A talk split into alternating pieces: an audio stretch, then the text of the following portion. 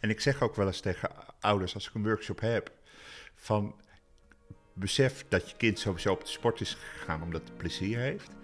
En dat de sport heel veel brengt wat je meeneemt naar de toekomst toe. Ja. Eh, focus, plannen, omgaan met teleurstellingen. Je wordt echt een, een, persoon met he- heel veel bagage. Hallo en welkom allemaal bij eh, een nieuwe aflevering van de Voetbalmoeder, de podcast. In deze aflevering heb ik weer een eh, hele bijzondere gast, namelijk een deskundige. En dat is eh, Patrick van Brugge. En Patrick is gasthouder bij Ajax geweest en auteur van een prachtig boek. Het handboek voor jonge sporters, topsporters en topsportouders. Patrick heeft dat boek geschreven eh, naar aanleiding van een heleboel eh, interviews eh, die hij met sporters gedaan heeft en ouders daarvan. En ik vind het superleuk om eh, met hem daarover in gesprek te gaan. Maar voordat we dat doen, ehm, ga ik eh, jullie eerst nog even vragen dat als je deze podcast leuk vindt, om hem dan te liken en te delen met je hè, vrienden, familie, iedereen die er wat aan kan hebben. En als je zelf ervaringsdeskundige bent of deskundige, of je hebt gewoon vragen of eh, tips nodig, dan kan je me mailen op de voetbalmoeder eh, gmail.com. En je kan me vinden op de social media. En dat is op Instagram eh, de voetbalmoeder op Insta. Op Facebook de voetbalmoeder. En op LinkedIn ook de voetbalmoeder. Nou, verder eh, zou ik het heel leuk vinden als jullie een reactie achterlaten. Ehm, nog even een extraatje. Degene die de leukste reactie achterlaat, die krijgt van mij, of van Patrick volgens mij, als ik het goed heb. Hè? Ja, want jij zei net, je krijgt hem van mij.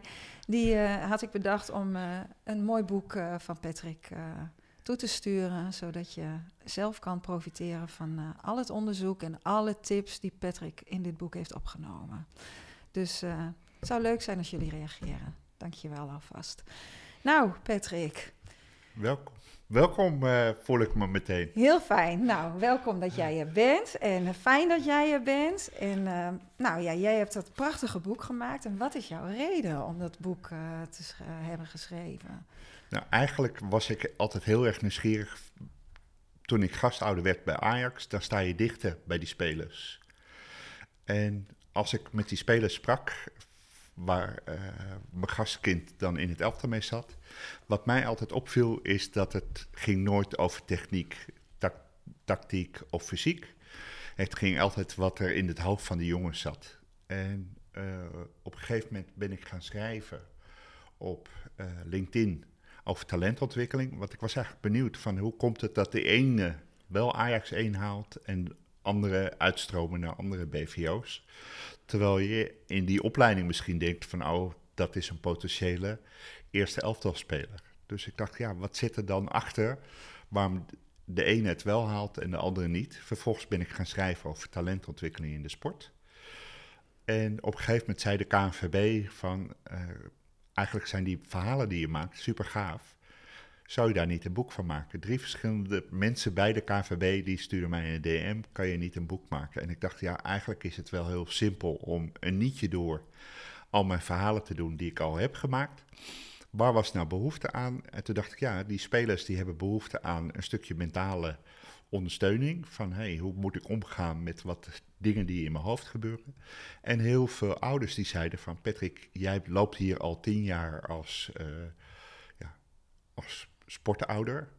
Eh, help ons, geef ons handvaten van wat is onze rol eigenlijk? Want we zijn zomaar opeens sportouder geworden. En eigenlijk weten we te weinig van hoe we ons kind optimaal kunnen ondersteunen. Toen dacht ik, hé, hey, ik ga gewoon een boek maken waarin ik jonge sporters help met hoe kan je omgaan met mentale druk. En ik help ouders door ze tips te geven hoe ze op hun beste manier hun kind kunnen ondersteunen. En dat hoeft niet per se in de voetbal te zijn, maar dat geldt eigenlijk in elke sport. En ik heb laatst ook een uh, workshop gegeven bij een amateurvereniging. Talentontwikkeling, dat denken we altijd, oh, dat is alleen voor de top. Maar eigenlijk elk kind wat zich ontwikkelt, ontwikkelt zijn talent. En dat hoeft niet altijd op een topniveau te zijn. Nee, precies. Ja, dat is ook zo. Ja. Dus heel veel ouders zeggen ook als ze de workshop hebben gehad van, oh, wat, uh, eigenlijk kan ik dit ook toepassen op een stukje middelbare school van mijn kind, op de opvoeding van mijn kind, Want het gaat ook een stukje over loslaten. Ja, ja. Mooi. Ja, en ehm, dan heb jij uh, natuurlijk voetbal uh, als een groot deel, maar je bent ook andere sporters uh, en sportouders gaan interviewen. Hè? Want er zit natuurlijk best wel een groot verschil tussen voetbal en de andere sporten. Hè? Ten eerste voetbal als teamsport. Je hebt natuurlijk meerdere teamsporten. Um, en een individuele sport, dat maakt al een groot verschil.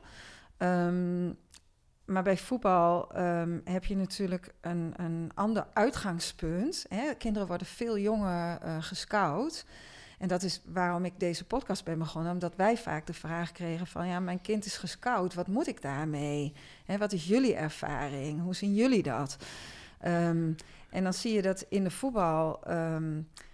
als die kinderen zo jong uh, gescout worden de ouders, eh, maar ook dus jongens zelf, vaak een bepaald beeld hebben hè, van, uh, ja, mijn kind is gescout, dus hè, we gaan nu het voetbaltraject in. En mijn kind wordt misschien wel de volgende Messi of Ronaldo. Met het vooruitzicht op veel geld, groot contract, noem maar op, mooie clubs. Alles is daar geregeld. Hè. Dingen zijn, hoef je niet meer te betalen. Voetbal is überhaupt een wat goedkopere sport. Hè. Dus heel erg bereikbaar voor veel mensen. Maar ga je dan naar de andere sporten kijken, dan zit daar een hele andere dynamiek onder. Want dan moet je als ouder toch zelf wel aardig wat doen en heel veel geld meenemen om je kind uh, het talent te kunnen laten ontwikkelen. Klopt. Wat, wat is jouw uh, ervaring uh, in het interviewen met, met dit stukje, met de ouders en, en, de sporters? Wat ik merk is bij in bij voetbal is het eigenlijk vanaf een bepaalde leeftijd heel goed geregeld. Want worden ze gehaald met busjes en alles wordt gefaciliteerd, zodat die ouders eigenlijk niet meer hoeven te rijden. Mm In heel veel andere sporten is dat helemaal niet zo goed gefaciliteerd en zit er ook veel minder geld in. Dat betekent, ik had uh, een meisje geïnterviewd, die deed 25 meter geweerschieten. En die zei op een gegeven moment, ja, mijn ouders die moeten best veel daarvoor betalen om mijn sport mogelijk te maken. Ik moet elk jaar een pak kopen van 1500 euro. Uh, ik moet heel veel reizen. Ik moet uh, naar het buitenland. Uh, het gekke is, ik moet dan ook nog een deel betalen voor de jury die ingeschakeld moet worden. Dus er komen heel veel out-of-pocket kosten. En ik merk dat sommige ouders zo graag hun kind willen helpen dat ze een extra hypotheek op het huis nemen. Waarvan Precies, ik denk van, ja. oeh, wat gevaarlijk. Ik zit zelf uh, in de WIA. Ik krijg een 100% krijg een ziekteuitkering. Dus uh, door die interviews die ik heb gehad met jonge sporters die eigenlijk financieel een duwtje in de rug nodig hebben, dacht ik van oké, okay, ik ga mijn boek en mijn workshops eh, ga ik verkopen via de stichting Topprestaties. En met het geld wat ik verdien met de verkoop van de boeken en de workshops, uh, ga ik jonge talenten financieel ondersteunen. Dat doe ik via het Yvonne van Gennep Fonds.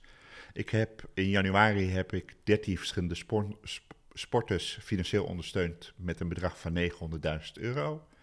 En afgelopen week heb ik een uh, atletiek uh, dame, heb ik 500 euro heb ik haar ondersteund voor ja, de reizen die ze moeten maken. Uh, zij wil een sportpsycholoog, hotelovernachtingen, uh, dat soort zaken. Ze heeft uiteindelijk 20.000 euro nodig. En ja. ik heb dan een klein steentje kunnen bijdragen. En ik hoop dat er meer mensen die het leuk vinden om jonge sporters te ondersteunen, gebruik maken van die fondsen om ja. jonge sporters te ondersteunen. Omdat wij denken allemaal, NRC, NSF betaalt heel veel. Alleen je moet bepaalde status eerst hebben. Oftewel, je moet eerst de top bereiken en dan krijg je geld. Uh, en ik vind het leuk om mensen hun droom te laten beleven. Want er zijn ook fondsen die zeggen van ja, ik geef alleen maar geld als jij bepaalde prestaties haalt. En ik vind, uh, als jouw focus ligt op winnen, ga je nooit winnen. Jouw focus moet intrinsiek, moet je gemotiveerd zijn om bepaalde doelen te halen. En ik merk dat steeds meer sporters ook bezig zijn van, oh, wat zijn dan mijn procesdoelen om uiteindelijk een resultaat te halen. En ik vind het mooi om sporters die echt bezig zijn met procesdoelen, om zichzelf te verbeteren, een droom hebben, om die financieel te ondersteunen. Ja, en hoe, hoe eh, kies jij dan de sporter die je uh, ondersteunt? Waar, waar uh, kijk je dan naar? Ik kijk, nou, ik heb natuurlijk in het boek heb ik een bokser heb ik, geïnterviewd, Luc. daar heb ik een bepaalde band mee. Dus die ja, on ondersteun ik ja. met 1000 euro. En het mooie is dat hij mij belde. Hij zei: Patrick, Nederland gaat nog heel veel van me horen. en als hij dat dan zegt, dan smelt mijn hart. Mooi, Want hè? Hij is, dan heb ik uh, Lissy Gevers heb ik ook geïnterviewd voor mijn uh, boek. Was eerst een judoka, is nu een MMA-vechter. Die, heb ik, die ging naar Amerika. Die had daar geld voor nodig, dus die heb ik 1500 euro gegeven. Die is daar een maand geweest om ja, een trainingstage te doen. Het mooie van Lissy is dat zij zich echt bloot heeft gegeven in mijn boek. Zij vertelt over een behoorlijke dip die ze heeft gehad. En uh, dat ze op een gegeven moment zei van ja, ik kan niet verder, ik ben overspannen. En eigenlijk het leuke is dat Lissy ook door mijn blog heeft geleerd om niet meer te focussen op winnen, maar op het verbeteren van haar proces, procesdoelen. Plus ze zegt, ik heb ook door de blog geleerd dat ik moet genieten van de reis die ik maak. Ja. Voorheen was ik alleen maar bezig met presteren, presteren, presteren. En nu kan ik ook genieten uh, van mijn trainingen, van mijn wedstrijden, ja, fijn, ja. alles wat ik doe. Uh, en verder heb ik gewoon op de website gekeken van uh, Yvonne van Gennep en gekeken van welke sporten staan me aan. En heb ik ook een beetje een mix gemaakt tussen dames, heren. Ik heb gekozen ook een stukje diversiteit. En ik zag ook een rugbyteam meiden tussen 16 of 14 en 16 of 14 en 18 die een rugbyploeg vormen, die uh, geld uh, bouwden hebben. Nou, die heb ik ook 1000 euro gegeven. Ja, wat mooi om die meiden een duwtje in de rug te geven en, en rugby dames op de kaart te zetten in Nederland. Ja, want eigenlijk is het de omgekeerde wereld. Hè? Dat je het geld pas krijgt op het moment dat je er eigenlijk al bijna bent, zeg maar. Je, hè, het geld moet er eigenlijk zijn op het moment dat jij uh, start en voelt dat je intrinsiek voelt dat je dit moet doen. Eigenlijk zou het zo moeten zijn dat al die topsporters uh, zouden kunnen leven van de sponsoring. En niet meer dat de NRC, NSF geld nodig hebben. Nee. Nou heb ik wel ook met André Katz uh, mailwisseling gehad. Hij is directeur van NRC, NSF. NRC, NSF heeft ook een potje als jij als ouder te weinig verdient om je kind financieel te ondersteunen. Dan kun je ook via NRC, NSF kun je ook een aanvraag doen ah, okay. om financiële ondersteuning. Ja, nou dat is wel heel goed. Want ja, onze dochter heeft uh, gekunstgaatst op uh, redelijk niveau, heel lang. En ik kan je vertellen dat, weet je, dat, nou, daar zit inderdaad in dat wereldje zitten mensen die een extra hypotheek opnemen. Ja. En hoe hebben jullie dat gedaan dan? Um, nou ja, wij hadden het geluk dat we een spaarpotje hadden. Maar ik kan, kan je ook vertellen dat er wel wat pensioengeld uh, van ons uh, in het uh, schaatsen is ja. gaan zitten. Um, ja, en, en dat, dat is dan wat het is. want ja, je kind heeft die droom ja. en um, ook de, het gevoel dat het nodig is om te schaatsen, om zichzelf te kunnen ontwikkelen, om zich goed te voelen uh, ja, echt die intrinsieke motivatie. En dan heb ik nog wat. Zij weet dan dat jij of jullie dat potje hebben aangesproken. Gaf dat extra druk bij haar? Uh, Voelde ze zich dan schuldig van ik moet nu, want... Nou, die, die gesprekken hebben we wel eens gehad. En ja. zij heeft inderdaad wel eens gezegd van... jullie hebben zoveel voor mij gedaan en... Nou heb ik niet helemaal bereikt wat ik voor ogen had. Dat is hè, onder andere uh, door een blessure zo gekomen. Maar ja, weet je, wij hebben nooit gezegd van uh, jij moet uh, schaatsen. Het schaatsen kwam zo vanuit haarzelf. Zij, zij ja, leefde, kon niet leven eigenlijk zonder het schaatsen. Um, en zij heeft het heel mooi omgebogen naar haar eigen show met vuur. Ze schaatst met vuur. Uh, ze heeft bij Holiday on Ice geschaatst. Ze geeft heel veel schaatslessen, heel veel training. Uh, ze is mental coach, ook voor schaatsers. Dus weet je, ze doet heel veel daarmee. Maar dat moment is er wel even geweest. Van ja, jullie hebben zoveel voor mij gedaan. En nou behaal ik dat niet. Maar ik denk dat ook eerlijk kijken naar um, wat voor schaatser ben je en waar word jij blij van? Want dat is de basis van alles. Hè? Waar haal jij je plezier uit? Ja, zij haalde er plezier uit het uh, performen, Ja. Het, het, het showschaatsen. En niet zozeer de wedstrijden. En op die wedstrijden, ja, daar was het ook altijd gehannes en gedoe. Ja. En dan denk ik van ja, maar jij hebt dan dus toch gedaan wat je moest doen. En je hebt bereikt wat je wilde bereiken. En dat vind ik heel belangrijk. En daar hebben wij dan als ouders veel voor over gehad. En ik zeg ook wel eens tegen ouders als ik een workshop heb: van besef dat je kind sowieso op de sport is gegaan omdat het plezier heeft. En dat de sport heel veel brengt wat je meeneemt naar de toekomst toe. Ja. Uh, focus, plannen, omgaan met teleurstellingen. Je wordt echt een, een, een persoon met he, heel veel bagage, behalve dan in jullie geval schaatsen. En het leuke is dat mijn dochter ook op een gegeven moment zei van ja, ik wil model worden. En we, hebben, we zijn naar Amerika, is mevrouw geweest. En uiteindelijk vond ze de wereld niks. Maar heel dat performen heeft ze ook meegenomen als ze presentaties moet geven. Dus Ja. je leert altijd nieuwe dingen Ja. eh, gedurende de weg eh, die je bewandelt om je droom waar te maken. Ja, want als jij zo intrinsiek voelt dat je dat moet doen, maar je ouders kunnen het niet faciliteren, weet je, dat is wel heel pittig. Ja. En ehm, dus je moet ook wel heel veel geluk hebben eh, en de juiste omstandigheden om te kunnen doen wat je intrinsiek Ja. voelt dat je moet doen. Klopt. Want, ehm, en dan kom ik ook op een stukje eh, talent. Want jij hebt het in je boek over talent en aanleg. En wat zie jij nou als talent en wat zie jij als aanleg? Ik vind talent eigenlijk een super waardeloos woord. Omdat talent is een eh, momentopname. En het nadeel van talent is dat je een stempel krijgt. En het stempel kan ervoor zorgen dat je denkt, oh, ik ben er al. Maar wa- waarom zie jij talent als een momentopname? Omdat je, eh, als jij, je hebt eigenlijk aanleg. En die aanleg moet je verder ontwikkelen. Mhm. Eh, en talent is iets. ik had een jongen in huis die was groot talent, waarvan Ajax zei: met 17 jaar sta jij in de arena. Alleen doordat iedereen constant zei: jij bent talent. eh, ontweek hij fouten, ging hij niet uitdagingen aan. Want hij dacht bij zichzelf: ja, als ik eh, op een gegeven moment fouten maak, ben ik dan nog wel talent? Uh, op een gegeven moment heb ik een gesprek gehad met hem van uh, welke vaardigheden moet je nog ontwikkelen. Want hij zei ook, hij dacht ook van ik ben talent, ik hoef niet hard te werken. Mhm. Want het is een gave die ik heb gehad.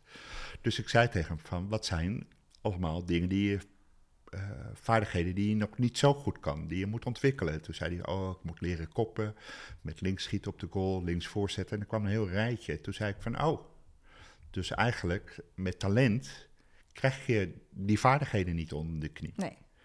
Dus eigenlijk dus- zijn dat twee verschillende dingen. Ja. Ja. talent is iets wat je hebt. Alleen uiteindelijk zul je, als jij denkt ik kan alleen eh, teren op mijn talent, zul je nooit uiteindelijk de top bereiken. Het gaat erom dat je eh, constant bezig bent met je verbeteren. Met durven uit je comfortzone te komen. Ja. Dus daarin hebben ouders ook een rol. Want de ouders die willen het liefst dat hun kind geen fouten maakt, dat hij weggeëffend is. ja, maar daar ga ik zo nog even met je naartoe. Want ik wil even nog bij dat talent Ja. blijven. Want ken jij Erik Matser? Nee. eh, ontwikkelingspsycholoog. En Erik heeft een heel mooi filmpje op zijn website staan. Want Erik heeft heel veel onderzoek gedaan naar talent. Erik heeft onderzoek gedaan naar talent bij Chelsea, bij eh, be- bekende muzici. Eh, super interessant om daar eens naar te kijken. Ja. En ehm, ik voel heel erg hoe Erik naar talent kijkt. Ehm, en eh, wij hebben ook eh, iemand die ons gezin begeleidt, die het eigenlijk op dezelfde manier ons al eens een keer heeft uitgelegd. En hij heeft een filmpje erop staan en dan hebben ze het over Gandhi, Mohammed Ali, Michael Jordan, Mandela, Jo- Steve Jobs, Messi, Da Vinci en Einstein. Die veranderden de wereld met een exceptioneel brein. En ehm, dat is dus een persoon die wordt met talent geboren en die heeft het vermogen om schoonheid te creëren. ehm, en een andere, heeft een andere kijk op de wereld. En heeft ideeën die niet door de normale mens, de gewone eh, populatie, zeg maar, gemakkelijk geaccepteerd wordt. Ehm, het is een aspect, zegt hij, dat niet geleerd kan worden. Het is uniek, het is een kracht van de natuur. Maar hij onderzoekt dus echt het brein van die mensen. En dan ziet hij dus dat er een bepaald stuk anders ontwikkeld is dan bij mensen die geen talent hebben. Dus talent kan worden geuit door een manier van leven, gesproken woorden, een penseelstreek, de klank van een noot of een complexe hmm. berekening. Maar naast talent kennen we het leren van dingen. En dan verandert je brein, hè, als je gaat leren, om ervoor te zorgen dat er beter gepresteerd wordt. Dus dat zijn twee verschillende dingen. 2,5 uur per dag, 11 jaar lang. Dan is het functionele deel van het brein groter. En dan creëer je, als je dat stuk geoefend hebt, bijvoorbeeld een voetbalbrein. Ja. Of een pianistenbrein. Nou, en dan heb je die 10.000 uur regel. Hè? Dan ben je expert, als je zo lang hebt geoefend, ben je expert in wat je doet. Maar volgens hem nog steeds geen talent. om de beste ter wereld te worden in iets, moet je beide combineren. Dus dat brein waar je mee geboren bent, plus die oefening. En dat is eigenlijk ook die zin waar we net op uh, kwamen. Um, hè, dat um, hard work uh, beats talent if talent doesn't work hard. Um, nou, en uh, Erik Matsen ontdekte dus wat talenten gemeen hebben. En dat is een hoge snelheid om informatie te mm. verwerken, een hoog niveau van werkgeheugen en een onderzoekende aard en een analytische kijk op de wereld. Ja, ik vind dat heel mooi. Ik ga er heel erg op aan, want um, wat hij ook zegt is: als je gezegend bent met talent, dat is niet altijd fijn. Want een overvloed aan talent wat niet gekanaliseerd wordt, als je de kracht niet hebt, of de omgeving en de mensen om je heen, om dat te kanaliseren, dan wordt talent ook een probleem. Klopt. Dan ga je lijden onder je overvloed aan talent. En dat is wat ik ook wel heel erg uh, voel en, en zie uh, bij mensen. ik denk in het ehm, bedrijfsleven dat dat heel veel gebeurt. Ja. Uh, het leuk nog even over Michael Jordan. Het leuke is dat hij op de middelbare school is afgewezen door zijn docent uh, gymnastiek. Van jij mag niet uh, in, meedoen met collegebasketbal, want ik vind jou niet goed genoeg. Mm -hmm. En hij heeft zijn droom niet opgegeven, maar is keihard gaan, gaan werken en gaan leren. Ja, uh, en dus beide dingen gecombineerd. Precies. Ja.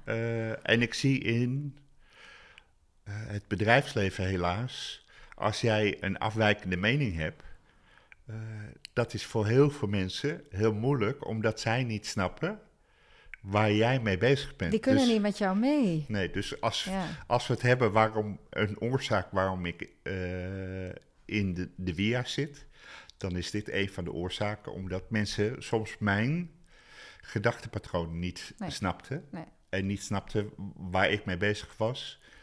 Uh, en ik had uiteindelijk een directeur die zei van... Op een gegeven moment had jij je bewezen. Dus ik heb geleerd om jou los te laten, omdat ik wist, het komt wel goed. En uiteindelijk uh, ben ik weggegaan bij het bedrijf. En ben ik uh, bij een ander bedrijf terechtgekomen in dezelfde markt. En toen heb ik gezegd, we gaan gewoon alles doen, uh, kopiëren wat Patrick heeft gedaan bij bedrijf A.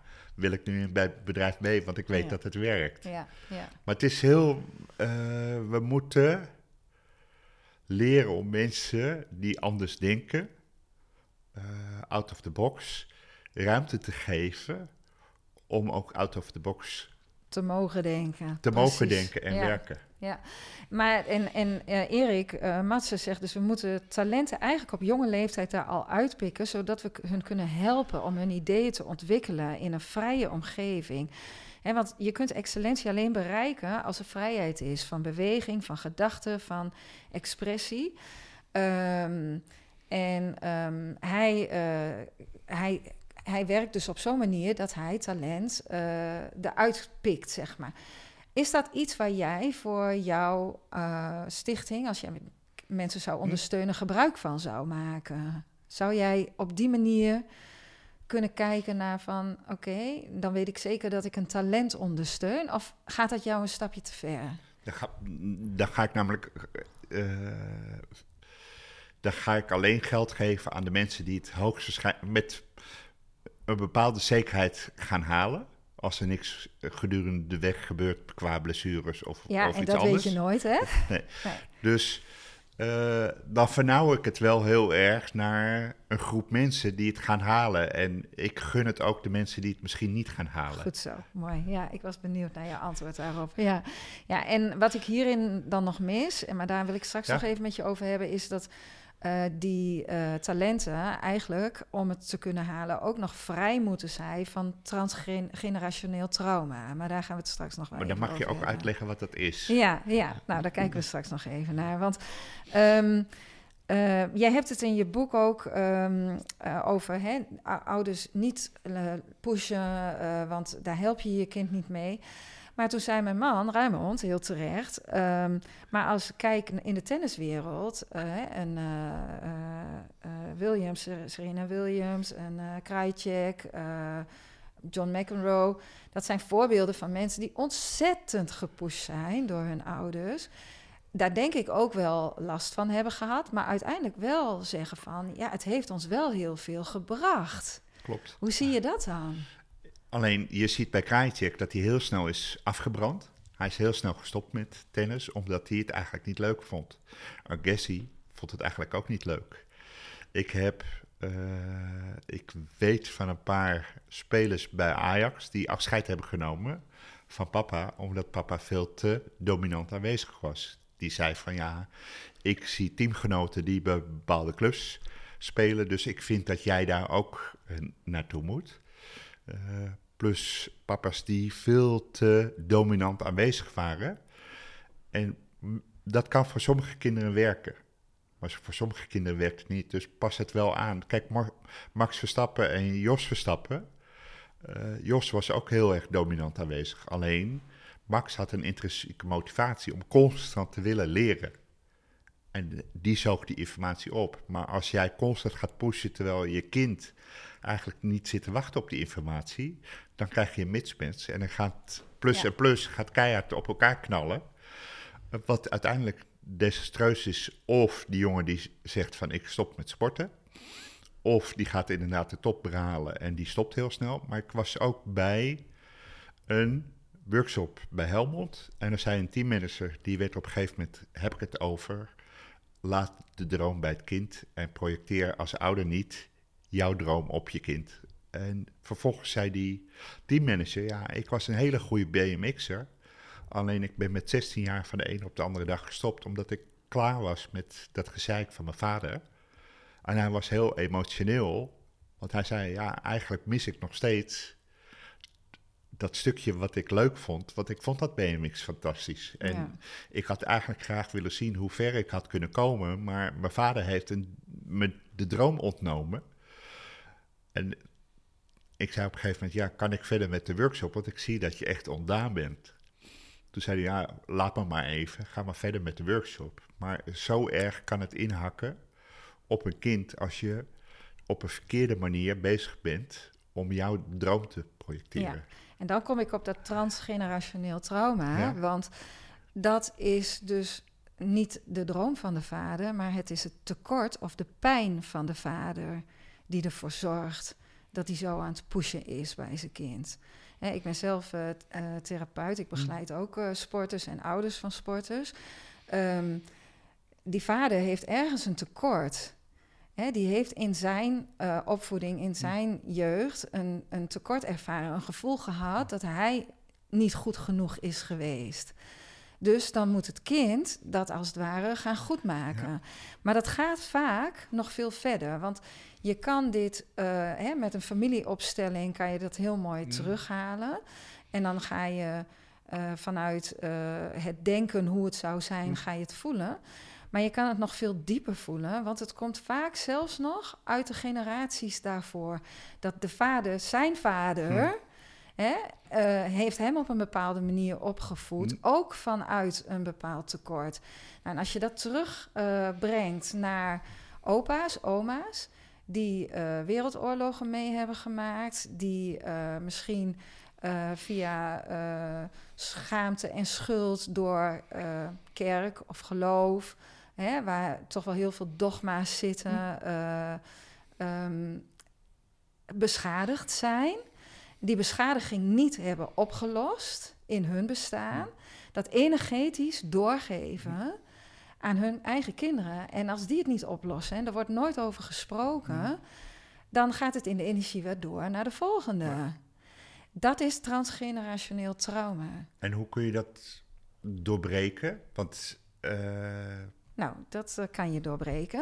Um, ken jij Maarten Oversier? Maarten Oversier is een uh, regressie-reïncarnatietherapeut. Heeft een heel mooi boek geschreven, Bestaansrecht. Serieus, ouders, ik raad jullie allemaal aan om dat te lezen. Want dan begrijp je waarom je doet wat je doet. Um, en um, hij, ik ben uh, leerling van hem. Hij gaat helemaal terug naar dat hele heftige trauma. Mm. En door dat opnieuw in de energie te laten doorleven, dus echt te voelen, haal je de ladingen af en kunnen verbindingen tussen uh, gezinsleden, familieleden zich weer herstellen. En dan zie je dat mensen in hun kracht gaan staan en dat ze er weer zijn en dat ze ook de juiste beslissingen nemen. Niet meer vanuit die hele oude patronen die nog steeds in dat systeem zitten. Maar, maar het gekke is, uh, dan even op mezelf betrekkend. Mhm. Ik had ouders die heel erg uh, waren van je moet presteren. Dus als ik een 8 had, dan had het een 9 moeten zijn. En ik heb juist geleerd daardoor om het anders te doen en mijn kinderen los te laten en te genieten van hun reis. Ja. Uh, hoe komt het dat de ene uh, wel een knip kan zetten in hoe die is opgevoed en het anders te doen? Mm-hmm. En hoe komt het dat de andere daarin blijft hangen? Ja, daar zit een hele dynamiek achter. Als je dat helemaal precies zou mm. willen weten, moet je echt helemaal teruggaan naar je voorouderstuk. Mm. En dan kun je kijken welke dynamiek zit daarachter, waardoor jij het nu zo anders doet. Of waardoor jij erin blijft hangen. Ja. Dus dat is niet zo 1, 2, 3 even uit te leggen. Uh, ik heb zelf uh, ook bepaalde dingen ja. meegemaakt in mijn jeugd, een bepaalde opvoeding gehad. Waardoor ik ook heb gezegd: ga mijn kinderen compleet anders opvoeden. Ja. Maar goed, uh, en dat heb ik ook gedaan. Of dat hebben wij gedaan. Maar um, dat wil niet zeggen dat bij mij alle pijn al weg is. Die projecteer okay. ik dan waarschijnlijk op een andere, op een andere plek, okay. op een andere manier. En uh, dat zijn stukken waar, waar je dan uh, mee aan het werk kan. Maar ja, die, die uh, hè, laat je op een andere manier zien. Maar eigenlijk, de tip die we misschien ouders kunnen meegeven daarin is... reflecteer even op je eigen gedrag en kijk wie je bent... en kijk of je dat op de juiste manier projecteert op je kinderen. Ja, ga eens voelen bij jezelf als jij die fanatieke ouder bent.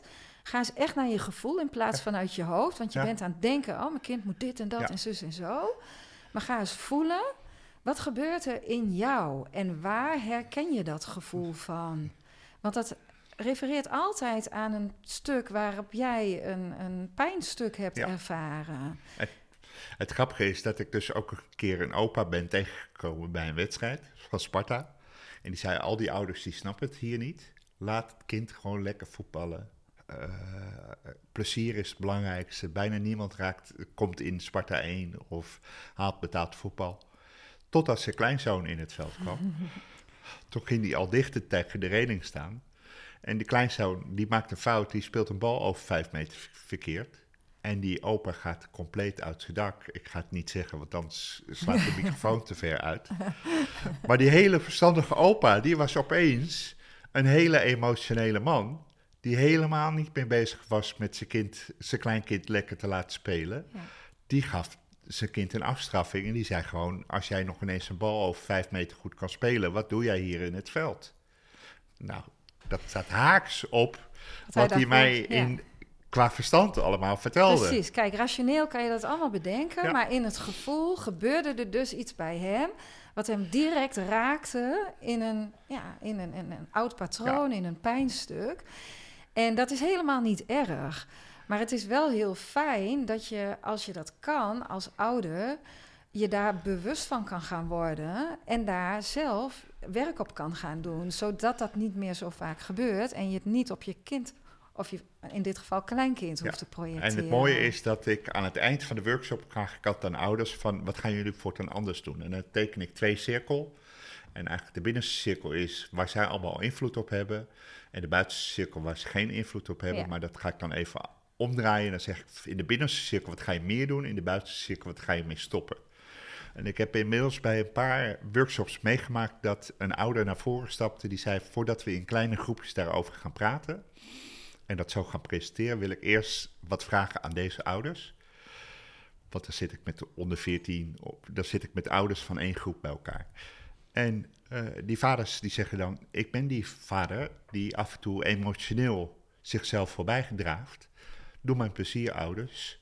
Corrigeer me alsjeblieft als het zover is. En ik heb ook een ouder gehad die zei van, luister mooi verhaal, maar ik blijf kritiek hebben op mijn zoon, want ik denk dat hij daardoor beter wordt. Ik zeg, ik kan dat niet. Jij bent eh, de pa. Ik kan jou niet dwingen om bepaalde dingen te doen. Ik kan je alleen nog één extra spiegel voorhouden. Ik zeg, ben je baas of ben je medewerker? Hij zegt, ik ben medewerker. Ik zeg, oké, dan ben ik even jouw baas. En ik ga jou elke dag vertellen wat je niet goed hebt gedaan. Dus we beginnen maandag en ik kom bij je van, joh, dat en dat heb je allemaal niet goed gedaan. Hoe vind je dat? Nou, vind ik niet leuk. Ik zeg, dinsdag kom ik weer en ik ga het weer vertellen. Hoe vind je dat? Ze zei, ja, vind ik niet leuk. Ik zeg, maar ik vertel als baas, ik doe het niet om jou te plagen, ik doe het om je beter te maken. Ik zeg, woensdag kom ik weer bij je om weer kritiek te geven. Hij zegt, nou, dan wordt het al langzaam bijna tijd om naar een nieuwe baan te zoeken.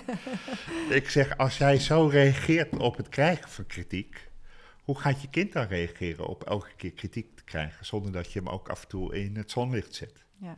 Dus kijk, datgene wat je zelf niet graag hebt, doe dat ook een ander alsjeblieft niet. Nee, en het is mooi dat je dat zo naar het bewustzijn haalt. Hè? En, en dan is dus de volgende stap zou dan zijn van dat die ouder bij zichzelf gaat voelen. Maar waarom voelt dat Ja. voor mij zo dat ik dat nodig heb om dat te doen? En waar kan ik daar mijn eigen pijn nog gaan oplossen? Dat zou de volgende stap Ja. zijn. En dat is het mooiste cadeau wat je je kind kan geven. Maar dat ga ik voortaan ook meenemen aan het eind van mijn workshops. Ga ik dat toevoegen. Want ik zeg ook altijd van, ik verwacht zaterdag niet meteen dat je een hele andere ouder bent. Want je hebt gedrag opgebouwd. Dus Precies. dat gaat echt niet in één eh, workshopje, gaat dat helemaal verdwijnen. Ik zeg maar, doe mijn plezier, ga aan het eind van de dag dat je aan de kant hebt gestaan, eens kijken van, wat was mijn gedrag? Kijk eens naar jezelf, even reflecteren en kijken van, oké, de volgende keer wil ik dit en dit anders doen. Ik zeg, het mooie is, dan ontwikkel jij je als topsportouder. En je kind ontwikkelt zich als topsporter in het veld. En dan hebben jullie allebei je eigen ontwikkeling. Ja, nou en als je dan dit stukje er nog bij meeneemt, dat ze ook nog bij zichzelf hun eigen pijn mogen Ja. gaan oplossen, dan stuur je ze allemaal naar mij. Ja, Oké. En dan eh, gaan we daarmee aan het werk. En dan krijgen we vrije kinderen die sporten. klopt. En daar wordt de sport en die kinderen en iedereen alleen maar beter van. Klopt. Wat is ongemerkt. Kijk, ouders, dat zeg ik ook tegen ouders. Ouders hebben het beste voor met hun kind. Ja. Maar door te zeggen van eh, zet hem op, doe je best. Of aan het eind van de wedstrijd zeggen tegen jouw kind die Jan heet van... Oh, ik vond Piet vandaag heel erg goed. Wat zegt dat over Jan? Want Jan die denkt dan, oh, wat, vond, wat vonden ze eigenlijk van mij? Ik was eigenlijk misschien niet zo goed. Ja. Of nog erger, ik vind dat je als ouder, als je meerdere kinderen hebt, dat je je aandacht moet verdelen. Maar ga niet tegen je kind zeggen: Oh, eh, je zit op de bank vandaag, dus we komen niet kijken. Want dan zeg je eigenlijk van, zonder dat je het erg in hebt, als jij presteert, dan komen we kijken. En als jij op de bank zit, oftewel niet presteert, dan komen we niet kijken. Ja, ja. Dus je moet daar heel zorgvuldig en eh, goed over nadenken wat je zegt. En je bedoelt het goed, maar het kan eh, verkeerd overkomen op je kind. ja maar dat je, als jij zo denkt, dan zit daar dus een dynamiek onder. En dat is interessant om daarnaar te kijken hè, en dat op te lossen. Ja. Dus dat is heel fijn. Want ik heb ook in jouw boek staat op een gegeven moment een stukje. En dan kun je een code scannen en dan ga je naar de film Turn. Ja. Nou, die heb ik ook bekeken. En nou, dan zit er een vader van Wietse. En die zit daar zo bovenop. En dan denk ik van. Meneer, alstublieft, ga alstublieft met uw eigen trauma's aan het werk. Ja. Zodat Wietse gewoon een vrij jongetje Ja. kan zijn. En kan doen wat hij leuk Ja. vindt. En dat gun ik hem zo. Hè? En, bedoel, en ik heb zelf dat hele proces ook doorgelopen. Hè? Het is niet zo dat ik het um, uh, roep en alwetend ben. Ik ben ook nog lerende daarin. Maar heb wel al stappen daarin gezet. Dus ik weet hoe het werkt. Het eerste wat ik doe is me blootgeven en zeggen dat ik ook die voetbalvader ben geweest bij mijn zoon. En blij was dat hij ging voetballen. Ja. En uh, ook heb geleerd dat ik naar achter moet leunen. En ook toen ik gastouder was, dan wil je zo graag je kind helpen. Maar uiteindelijk, door heel hard te helpen, help je hem niet. Nee, precies. Hoe vind jij um, dat er uh, wordt omgegaan met uh, de jongens die, en meisjes die uiteindelijk in de voetbal afvallen? Wat vind jij dat daar moet veranderen? Of vind je dat dat goed gaat? Um, hoe, hoe, hoe zie jij dat? Want dat is een, stukje. Ouders hè, weten dat hun kind een traject ingaat, maar de meeste vallen af. Ja. Er zijn er maar een paar die doorgaan. En dat neem je als ouder, uh, ja, misschien neem je het wel mee, maar wat het betekent, daar heb je geen idee van. Nee. Dus eigenlijk, al, elke opleiding vertelt dat de kans klein is in een BVO, betaald voetbalorganisatie, dat je de top gaat halen of betaald voetbal kunt spelen. Alleen uh, als ouder denk je en als kind denk je, ja, dat geldt voor de rest van de groep. Dat geldt niet voor mijn kind. Of het kind denkt, dat geldt niet voor mij. Dus uh, wat ik sowieso heel erg belangrijk vind, is dat ouders uh, heel erg keen zijn dat het kind ook goed op school bezig is. Dat ouders ervoor zorgen dat het kind zich ook ontwikkelt als kind met zijn eigen identiteit en zijn eigen overtuigingen. En ik zeg ook altijd van, pas op dat als jouw sportkind, uh, wat misschien onder 16 speelt bij Feyenoord en ook nog eens een keer in Oranje speelt, als die naar verjaardag gaat en, uh, of bij kennis komt, dan gaat alle aandacht naar dat kind toe. En dat gaat het alleen maar over uh, hoe gaat het bij Feyenoord, welke positie speel je, waar ben je geweest bij de KNVB, enzovoort, enzovoort. Dat kind wordt op een podium gezet en vervolgens Stel je voor dat het kind uit die opleiding gaat en niet meer uh, bij een BVO terechtkomt, dan is dat kind altijd benaderd door de omgeving als topsportkind van Feyenoord. Hij is eigenlijk gewoon een Feyenoorder. En als dan Feyenoord wegvalt, dan denkt dat kind: hé, hey, ik krijg opeens geen aandacht meer. Uh, waarom ben ik niet interessant? Dus daarom zeg ik van zorg ervoor dat het niet alleen over Feyenoord gaat. Zorg gewoon dat je interesse hebt in de mens. En die is toevallig ook voetballen. Ja, en dat kan je dan als ouder nog redelijk reguleren. Maar hoe krijg je dat bij de omgeving voor elkaar? Om gewoon, ik denk dat je als uh, wij als vrienden en familie op bezoek komen, dan zeggen wij, wij willen niet dat je alleen maar over Ajax hebt en zijn positie. Uh, praat maar eens over andere dingen. Uh, waar kom je vandaan? Wat doen je ouders? Uh, oh, je, komt uit, je bent ontvlucht uit Sierra Leone. Hoe was dat voor je? Wat heb je meegemaakt? Hoe was het traject ACC? Heb het over normale dingen en niet alleen maar over voetbal. Uh, die jongens zitten de hele dag in de voetbalomgeving. Ja, maar het is best wel lastig hoor. Want er zitten natuurlijk veel mensen omheen die dat wel heel interessant vinden. Ja, maar ik snap heel precies wat jij zegt. Nee, eh, eh, maar eh, voorkom dat jouw kind een accessoire wordt. Ja, ja. En daar moet je gewoon heel hard in zijn, ook naar familie en vrienden. Ja, uh, ja het is. Het mens zijn is belangrijker dan de sporters zijn. Ja, Want op een gegeven moment stop je ook. Stel je voor dat hij het wel haalt bij Feyenoord 1. Mm. En hij gaat tot zijn 34ste, 35ste mag hij voetballen. Dan stopt hij met voetbal. Dan is het nog steeds belangrijk dat hij weet wie, hij is, als mens. Ja. Want hoeveel voetballers uh, komen dan niet in een zwart gat? Of identiteitscrisis. Ja, ja. of missen de trill van de spanning van de wedstrijden. Ja, ja, ja. In Engeland zijn de cijfers bekend dat de 80% van de voetballers gaan failliet. Omdat ze zichzelf maar als voetballer blijven gedragen en ook het geld uitgeven als ja, dat, dat kan ik begrijpen. Kan ik ook wel zien daar gebeuren. Ja, ja, ja. Maar goed, bij de voetbal worden die kinderen eh, jong gescout. Eh, Ja. Wat vind je daarvan? Want dan zit je dus ook al heel jong in dat hele stuk van... ik ben dat voetballetje. Eh, ik heb wel eens gevraagd, waarom doen jullie dat zo jong? Heel veel voetbalclubs, BVO's, die doen dat omdat ze vinden dat kinderen goed breed motorisch georiënteerd moeten zijn. Mhm. En zij vinden dat bij de amateurclubs daar te weinig aandacht aan wordt gegeven. En gym, dat heeft helemaal geen... eh, eigenlijk gymmen we heel slecht en ook veel te weinig. Ja, dat is Dus- eigenlijk al heel jammer dat er Ja. zo weinig aandacht voor bewegen is. Want Klopt. het bewegen is zo belangrijk om je goed te voelen, om je te ontwikkelen. Klopt. En, dus daar zou al veel meer aandacht voor moeten Precies, zijn. dus eigenlijk het liefste wat ik zou willen is dat veel meer BVO's zorgen dat zij eh amateurvereniging ondersteunen in het traject breed motorisch ontwikkelen. Daar trainingen geven, een soort pre-academie Ajax, pre-academie Feyenoord, pre-academie Utrecht bestaat. En volgens mij is PSV daar ook eh, mee bezig.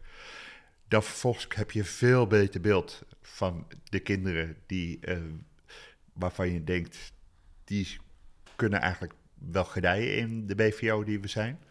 Dus ik zou het liefst willen dat BVO's pas vanaf 12 u- jaar oud scouten in de directe omgeving. Zodat je de kinderen ook niet weghaalt uit het ouderlijk huis. Ja. Eh, en ik zou het liefst willen dat al die topclubs, eh, amateurclubs, gaan helpen bij dat breed motorisch ontwikkelen. Is Eh, dat de, de, de taak van de topclubs of is dat de taak van de KNVB? Of is, moeten ze dat samen doen? Of, ehm, uiteindelijk denk ik dat de KNVB daar ook een rol in heeft, dat de gemeente daar een rol in heeft, dat scholen daar een rol in Ja. hebben.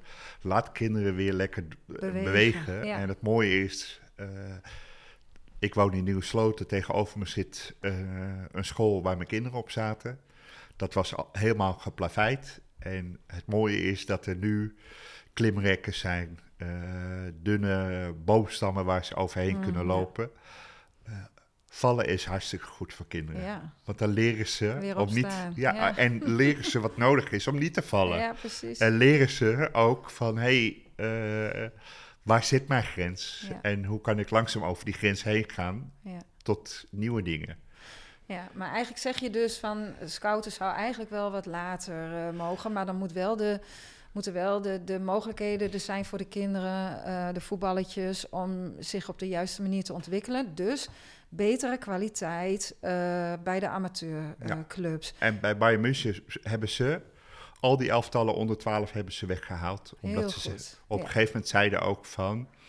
Eigenlijk zien we dat heel veel van de spelers die we onder de 12 hebben gescout... die in de opleiding zaten, die vallen gedurende het traject af. Het is bijna om... Het is, Het is te zwaar, denk ik, voor die jongens. hè? maar ook Het heel is- moeilijk om te bepalen... Ja, wie, wie, op achtjarige, negenjarige leeftijd... wie gaat het wel en niet halen. Daarom heb ik liever, doe lekker een pre-academie... Laat ze lekker in een thuisomgeving voetballen. En ga wat later beginnen met selecteren. Want als je aan het selecteren bent, ben je ook aan het deselecteren. Ja. Eh, en vervolgens eh, komen natuurlijk uit die opleiding komen de spelers. En er wordt gezegd van ja, die hebben het allemaal gehaald. Maar die hebben natuurlijk ook het maximale aandacht gekregen van een club. Ja. Maar de Wout Weghorst, eh, de Berghuis... We moeten ook oog blijven houden voor die laadbloeiers. Ja, juist vind ik ook. eh, ja, want in voetbal kan dat ook heel goed, hè? Ja. Dat je wat later nog Ja. instroomt. En er zijn zoveel factoren die meewerken om te be- hè, die bepalen of je uiteindelijk wel of niet eh, ja, die stap kan maken Ja. of niet. Ja, ik, ik, wij hebben zelf ervoor gekozen om Ennio dus pas op zijn veertiende eh naar een BVO te laten gaan, naar FC Twente in dit geval. Dat was zijn eigen keuze. Ehm, en hij heeft dus de eerste twee jaar ook van de middelbare school gewoon vanuit de veilige thuisbasis gedaan. En daar, dat zegt hij nog steeds, hoe fijn hij dat vindt, dat hij daar zijn vriendengroep van heeft. Daar kan hij op terugvallen. Die jongens komen bij hem kijken, die, daar, gaan ze, daar doen ze leuke dingen samen mee. En dat is denk ik wel heel, heel erg Dat belangrijk. zijn zijn echte vrienden. Ja, Want die zijn er voor hem ja, en die zijn er niet omdat hij voetballer is. ja. Dus Maar daar moet ik wel bij zeggen dat dat natuurlijk wel voor elk kind anders is. Want ik kan me ook wel voorstellen dat uh, als jouw kind niet die uitdaging krijgt bij de club die het echt nodig heeft, maar wel echt in zijn hart alleen maar wil voetballen, dat je dan ook kan zeggen van oké, okay, het is 12 jaar en ga maar lekker naar een, uh, weet ik veel, een Twente of een PSV of een Ajax.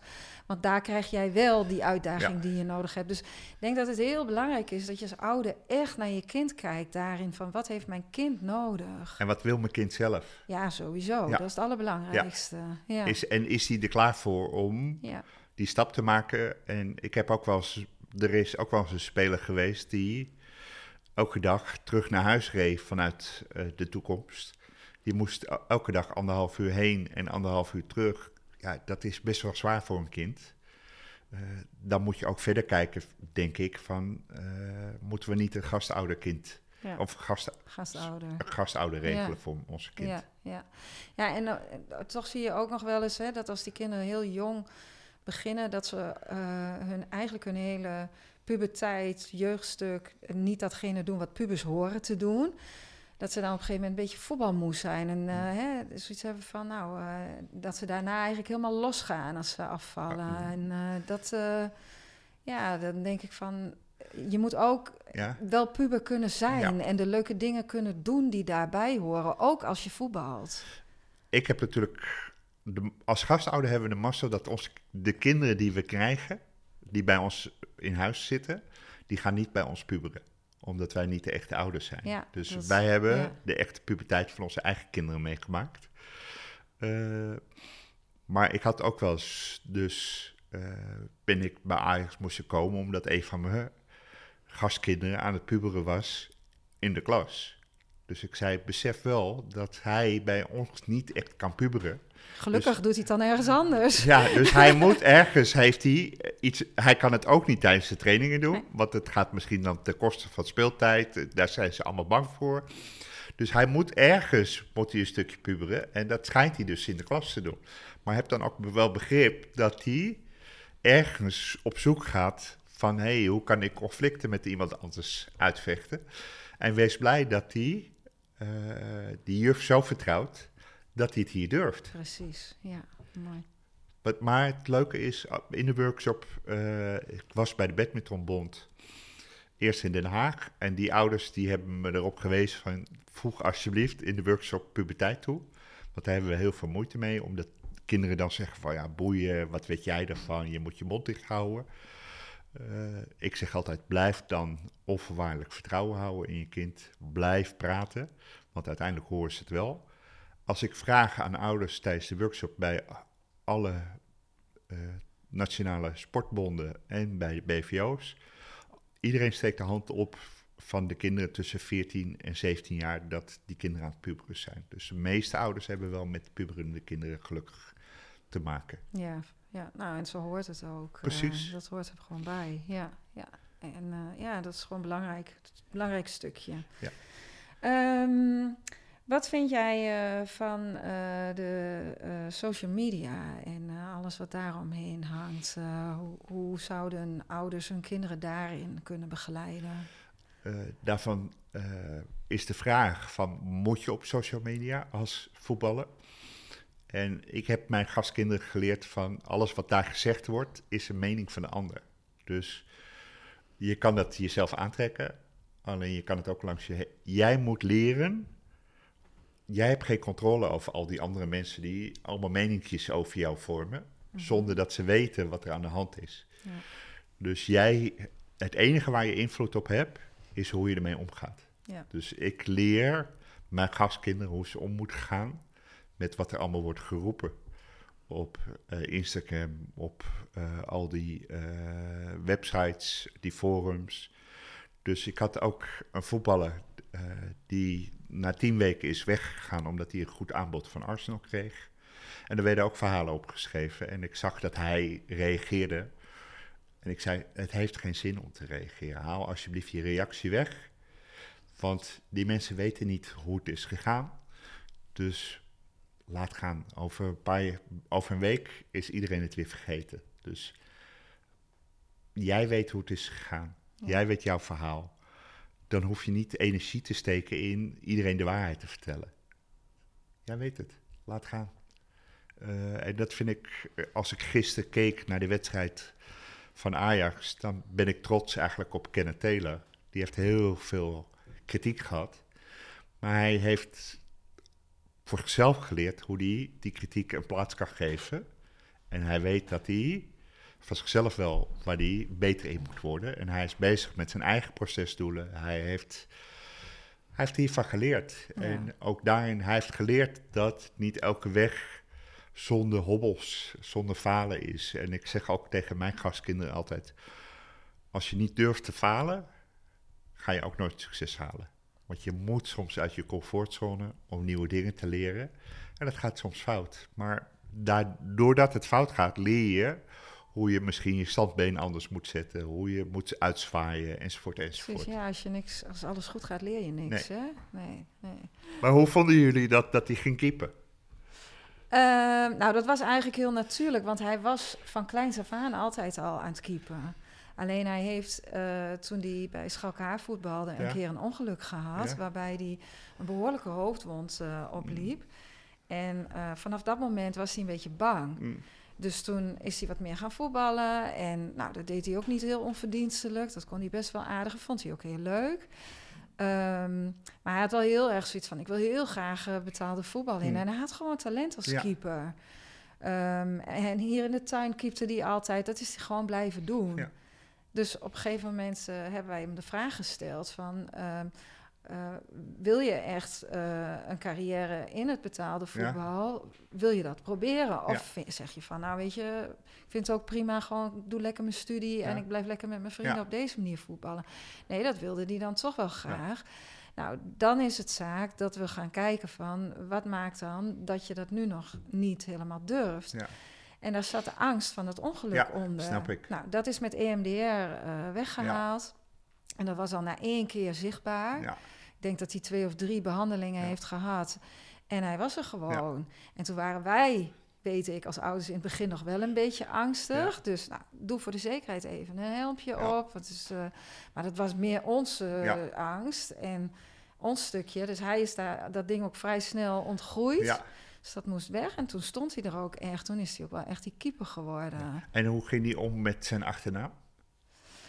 Um, nou ja, hij heeft bewust ervoor gekozen om niet naar Vitesse te gaan okay. uh, uh, toen hij uh, 14 was. En wel naar, eh, naar FC Twente, ja, okay. omdat papa bij Vitesse ja. zat. Hij maakt heel bewust keuzes om zijn eigen identiteit te Mooi. behouden, heel zeg maar. Um, hij heeft ook altijd gestudeerd erbij. Ja. Um, ja, hij, hij, hij is wel heel uh, bewust van zijn eigenheid, zeg maar. Het is wel echt een eigen uh, typetje. Mooi. Uh, hij heeft zijn eigen humor en hij, hij, kan goed uit zijn woorden. En het is gewoon heel leuk om te zien dat hij ja, daar goed in is. Maar als ja. hij ergens mis zit, ja, dan, dan weet hij wel dat hij altijd bij ons ja. terecht kan. En hij vindt het natuurlijk superleuk om met papa even de wedstrijd door te bespreken. Want hij zegt ook, ja, daar leer ik gewoon ontzettend veel van. Maar altijd vanuit hem ja. en nooit vanuit papa. Nee. Want die fout heeft papa één keer gemaakt. En toen zei ik, je bent papa, niet zijn trainer. En vanaf dat moment is papa papa. Ja. En komt Ennio naar zijn ja. vader toe als hij wat van hem ja. nodig heeft. En dat werkt gewoon heel goed. En zij kunnen heel goed, ik weet ook zeker... dat als zij bij elkaar bij een club zouden zitten... dat zou prima gaan, omdat ze zij snappen die, die dynamiek, zeg ja, maar. Het is voor andere mensen veel moeilijker ja. om ermee om te Daarom heb ik mijn zoon... Ik heb even mijn zoon gecoacht.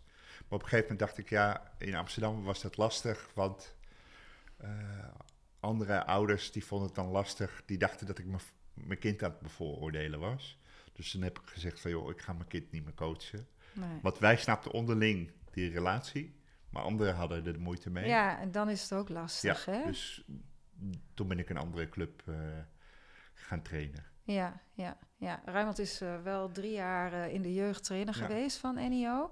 En dat ging heel goed. Maar dat komt denk ik omdat zij altijd erkend hebben...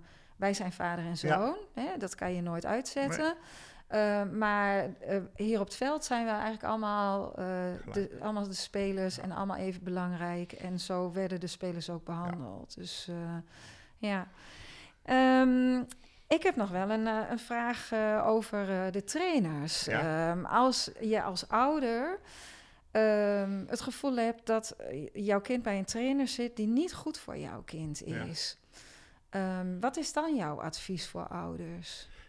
Mijn advies is eerst vragen aan het kind wat hij ervan vindt. Ja, zo, ja, ja, dus dat is voor jou logisch. ja. Maar dat is voor heel veel ouders niet logisch, dat, begrijp ik. Nee, Ja. omdat eh, laatst had ik ook een workshop en die, die moeder die zei van ja, ik erger me aan de coach, want die doet dit en dit en dit. Mhm. En toen ze vroeg ik, wat vind je kind ervan? Nou, die, die boeit het niet. Die, denkt, die zegt altijd, laat die coach maar lekker gaan. Ja, dan is, dan is het geen probleem. Nee, dus ik zeg, dan moet jij er ook geen probleem van maken. Nee. Ik vind dat als jij als ouder eh, ergens problemen mee hebt, dat je altijd dat moet aankaarten met een coach. Mhm. Alleen eh, besef wel dat heel veel coaches eh, op een apenrot zitten. Dus daar moet je rekening mee houden Ja. in je communicatie. Dus punt 1, vraag eh, nooit na een wedstrijd direct met een coach in gesprek gaan. Nee. Vragen van wanneer heb je tijd, want ik wil graag wat met je bespreken. En ook van tevoren afkaarten. Het kan maar helder zijn. Het, misschien is het overbodig van ik wil wat met je bespreken. Maar ik wil graag eerst van tevoren afkaarten. Heeft dat consequenties wat ik met jou ga bespreken Oké, dat voor de speeltijd van mijn zoon? Want mijn zoon die heeft liever niet dat ik het bespreek. Omdat hij zich denkt van het kan invloed hebben op. Ah, Als een coach vervolgens zegt van nee, natuurlijk kan jij je verhaal vertellen zonder dat dat consequenties heeft. Nou, kan je dat nog eens even. Eigenlijk maak je een mondeling contractje, ja, ja. zodat het ook in de coach's hoofd zit. Ja. Van hé, ik heb een afspraak gemaakt, daar kan ik eigenlijk niet onderuit. En dan moet je, eh, wat mij betreft, kun je dan vertellen wat je vindt. Maar zeg dan niet alleen van ik vind het slecht, maar Ja, Geef aan als- genuanceerd, ja. geef ook aan hoe je het anders graag zou willen Ja, hebben. precies. En waarom je het zegt. Ja, ja, ja. Ja, want trainers die hebben natuurlijk ook altijd de beste intenties. Daar Klopt. ga, ik in, hè, daar ga ik van uit. Een trainer wil ook dat het goed gaat met, met je kind, en maar ook met het team. Ja. Eh, dus een trainer doet ook zijn best Klopt. om het beste eruit te halen. En Ehm, kijk, dan nog één ding. Soms merk ik dat ouders van hun probleem het probleem van de coach willen maken. mhm, Het moet wel echt om iets voetbaltechnisch gaan. Mhm. eh, en niet om iets anders.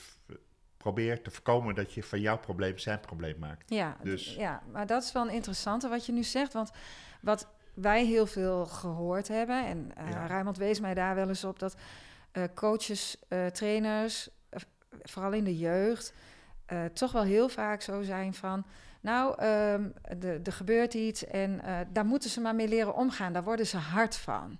Daar worden ze hard van. En ik ga heel erg aan op dat woord hard, want ik wil niet dat mijn kind hard wordt, want dan voelt hij niks meer. En alleen door te voelen kun je Mm. weten wie je bent. Ja. Dus ik wil niet dat mijn kind hard wordt. Hè? Dat is niet bij ons gebeurd, maar ik, als ik dat dan zo hoor om me heen en ik, ik heb het in mijn praktijk, krijg ik jongens die dus echt dat letterlijk zeggen. Ja, De trainer zegt, daar word ik hard van. Nee, wij moeten de kinderen niet hard maken, we moeten ze weerbaar maken, we moeten ze sterker maken. En daar vind ik dat eh, trainers zich ook wel wat meer bewust van mogen worden. maar dat betekent dat ze. eh, trainers die zijn. Trainers zitten. Ouders zitten in een rolmodel. En ik denk dat coaches ook nog een beetje in een rolmodel zitten. Die zijn opgeleid door een coach. En dat als we kijken naar eh, Vandaag Inside. Dan is het allemaal niet lullen, maar poetsen. Mhm. En eh, gewoon gaan. En dat hoer over mentale weerbaarheid. Eh, gewoon voetballen. Heel veel coaches zitten daar nog in dat speelveld. Mhm, dat klopt. Ik denk dat je als coach moet leren van hey, hoe kan ik mijn spelers bereiken? En dat bereik ik je denk ik niet door eh, dat af te doen van ah, daar word je hard van. Ik denk eerder dat je tegen een speler moet zeggen van wat gebeurde er met jou?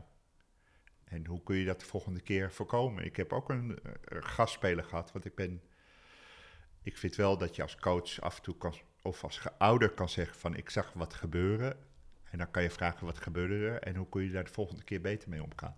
Ik vind dat de coaches dat ook moeten doen. Ik vind Ja. dat eh, soms wordt een speler doorgeschoven naar een hoge elftal en soms weer teruggezet naar een lage elftal. Dat doen ze om te kijken of die speler dan in dat lage elftal de boel weer op sleeptouw neemt en hoe die omgaat met het stapje terug. Eh, dan zeg, trainers kunnen dan denken, ja, daar wordt hij hard van en mentaal sterk en we gaan kijken wat er gebeurt. Maar ik denk dat je als trainer ook moet benoemen van, hé, hey, we hebben iets gedaan en hoe heb je dat ervaren? Ja. Hoe was dat om terug te gezet te worden voor jou?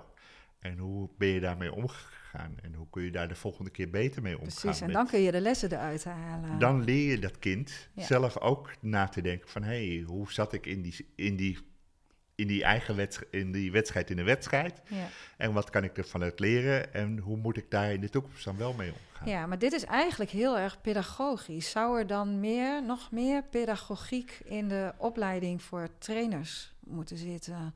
Zou daar van- meer aandacht voor moeten zijn? Ik ben van mening van ja. Eh, je ziet namelijk ook heel veel... Als ik bij wedstrijden ben, dan zie ik heel veel trainers vertellen wat het kind niet moet doen. Terwijl ik denk dat je als pedagoog moet zeggen wat het kind wel moet doen. Ja. Alleen ook dat is een stukje opleiden en trainers laten zien van eh, het kan ook anders, maar het heeft hetzelfde resultaat. Eh, ik merk ook dat heel veel trainers eh, voorheen altijd een jaarcontract kregen. Dus dat betekent bij, eh, bij een VO, ja, ik heb een jaarcontract. Ik moet constant dus laten zien Dat mijn- dat mijn ja. ploegje goed presteert. Ja. Terwijl het gaat om ontwikkelen. Ja. Dus ik zie gelukkig ook een trend bij BVO's dat trainers eh, inmiddels langduriger contracten krijgen van drie jaar, zodat die druk wat minder is. Maar onderling is er ook nog een speelveld tussen trainers. Want iedereen die wil eigenlijk die trainer onder 18 worden, omdat die trainer onder 18 meer krijgt dan die trainer onder 8. Ja. Ja. En is het hoe belangrijk, waarom is die trainer onder 18 belangrijker dan onder 8? Ja, ik zeg altijd, de basis wordt gelegd in de kleuterscholen, hè? dus eh, zorg ervoor dat ook dat onderlinge eh, concurrentie verdwijnt door Ja. ze allemaal evenveel geld te, te geven. Eh, want daardoor krijg je ook niet die onderlinge concurrentie binnen de club. Van hij kan er niks van, want hij presteert niet goed met de club. Nee, het gaat erom dat al die trainers, die hebben hun rol eh, om die speler naar het eerste elftal te Ja. brengen. Ja. Ja. En maak er geen competitie van. Maar het vervelende aan de andere kant is natuurlijk ook weer dat we aan de ene kant zeggen als KNVB ontwikkeling is superbelangrijk. Maar vervolgens gaan we wel werken met een promotie-degradatieregeling Ja, in de jeugd. dus dat klopt niet. Dat, is, dat is dus scheef. Ja, ja, ja. En eh, waar trainers eh, en opleiders ook zich van bewust mogen zijn, is dat eh, de kinderen van nu anders zijn dan toen zij kind waren. De kinderen van nu zitten in een andere maatschappij, zijn gevoeliger, prikkelgevoeliger, krijgen hele andere dingen weer mee. En daar mis ik soms ook nog wel een stukje in. Dan denk ik van, kijk eens naar hoe de kinderen nu zijn en wat zij nodig hebben. Want de kinderen zijn gewoon gevoeliger. Hè? En dus moet je daar ook op een andere manier mee omgaan. En dat mis ik ook nog wel eens een Klopt, stukje. helemaal heel belangrijk. Ja, ja. Hey, zie jij in de ehm, reacties van ouders, zie jij verschil tussen vaders en moeders? Waar je, waar je echt duidelijk verschillen ziet? Of, of is dat per persoon verschillend? Dat is echt per persoon verschillend. Wat wel leuk is, dat heel vaak moeders zeggen van... oh, eh, mijn man had eigenlijk aanwezig moeten zijn... want dit was typisch iets voor mijn man. Oh ja, ja. Eh, maar ik heb ook wel eens... eh, laatst had ik een vader bij een talentschool. Dat heette vroeger loodscholen. Ja, ja. En eh, zijn zoon speelde bij ADO. En hij had tegen zijn vrouw had gezegd... nou, ga nou naar die bijeenkomst, want dat lijkt me leuk voor jou. Dus hij had ges- gezegd uiteindelijk tegen de opdrachtgever... nou, na een kwartiertje wilde ik tussenuit piepen... want ik dacht, ja, hij is niks voor mij. Maar hij ging als laatste weg... omdat hij zoveel dingen herkende in Ja. zijn eigen gedrag. En, nou, mooi, ja. Dus Uh, maar er zijn ook moeders die, uh, wat ik heb laatst bij de Gooise Hockeyvereniging, er zijn ook moeders die zeggen van ja, het is zo herkenbaar. Ik moet het leren loslaten en ik ben veel te veel bezig om het te regelen voor mijn kind. En dus het is... Ja, maar dat komt dus ergens vandaan dat ze dat niet kan. En daar moeten we op alert zijn. Ja, mooi. Um, goed, um, wat is jouw, uh, jouw beste tip voor uh, ouders? De beste tip is gewoon constant vragen, hoe kan ik jou helpen? Dus ik, in mijn workshop zit ook een filmpje van Maan die uh, bij zo'n concert van die kinderen die minder of licht gehandicapt zijn, hebben ze altijd zo'n concert. En dat meisje is akkoordvrij en in plaats dat ma meteen met oplossing komt voor het kind, vraagt ze wat is er aan de hand? Hoe kan ik je helpen? Heb je dit, dit of dit nodig? En ze laat het kind, laat ze kiezen. Want kinderen weten zelf wel hoe ze heel graag ondersteund willen worden en geholpen willen worden. Ja, ja. Dus uh, laat, geef kinderen zoveel mogelijk verantwoordelijkheid. Daar worden ze ook zelfvertrouwen van. Dus bij een van de workshops zei een ouder tegen mijn dochter, die was mee, want die vond het leuk om een keer te kijken van hoe heeft je vader dat bij jou gedaan? En toen zei mijn dochter, ja, ik heb een oude broertje, die mocht al buiten spelen. En ik was dan jaloers dat ik nog niet buiten mocht spelen. Dus mijn vader heeft toen allemaal cirkels om het huis gezet. En die heeft me uitgelegd dat als ik eraan toe ben, dat ik elke keer een cirkel verder kan. Dus hij heeft laten zien dat als ik mijn verantwoordelijkheid pak, dat ik steeds verder van het huis af mag. En als ik misbruik maakte van die situatie, dan werd die cirkel weer even kleiner. Maar durf die cirkels steeds groter te maken. Ja, en daar ligt dus ook een stuk bij de ouder zelf om dat te durven. Ja. Ja, ja, mooi. Heb je nog andere aanvullingen of opmerkingen die je kwijt zou willen nu nog? Uh, en heb, heb onvoorwaardelijk vertrouwen in je kind. Niet, uh, zo ben ik een beetje opgevoed van uh, kom bij mama, want dan krijg je 200 euro. Nee, ik, kom, ik wil graag bij jou komen zonder dat ik een beloning krijg. Omdat ik gewoon graag bij je kom. Precies. dus ga niet constant er iets. Uh, laat je, leer je kind niet dat als hij wat doet, dat hij een positief iets krijgt. Wees altijd trots. Ik zeg altijd tegen een van mijn gastkinderen die nog steeds bij Ajax speelt: hoe je ook speelt, ik ben altijd trots op je. Mooi. Ja. Prachtig. Nou, dat vind ik een mooie afsluiter. Mooi zo. Patrick, bedankt voor het schrijven van dit hele mooie, waardevolle boek. Dankjewel. En uh, nou, degene met, een, uh, met de leukste reactie, die uh, krijgt van Patrick eh, zo'n boek toegestuurd. bedankt voor dit hele mooie gesprek. Dankjewel voor je tijd. En jij ook. Ja, en ik wens je veel succes met alles. Dankjewel. En we zien elkaar weer. En ik heb ook weer wat geleerd vandaag. Nou, dat is fijn. Ja? Daar doen we het voor. Hè? Zo is dat. Oké, okay, okay. dankjewel. dankjewel Marita.